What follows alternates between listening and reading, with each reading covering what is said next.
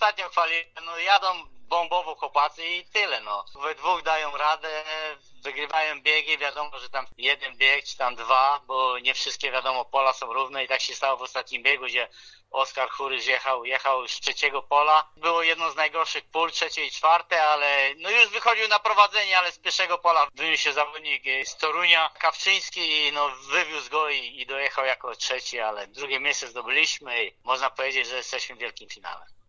No teraz, żeby być w tym e, finale, trzeba zająć przynajmniej trzecie miejsce w ostatnim turnieju pojutrze w Krośnie, ale w składzie pojawił się Mateusz Bartkowiak. Czy można się spodziewać, że on w Krośnie pojedzie, czy dopiero będziecie go szykować na turniej Mateusz- finałowy oczywiście, jeśli Stal awansuje? W piątek ja mam trening, Mateusz przyjeżdża na trening i zaczyna treningi, także na, na mecze finałowe będzie gotowy.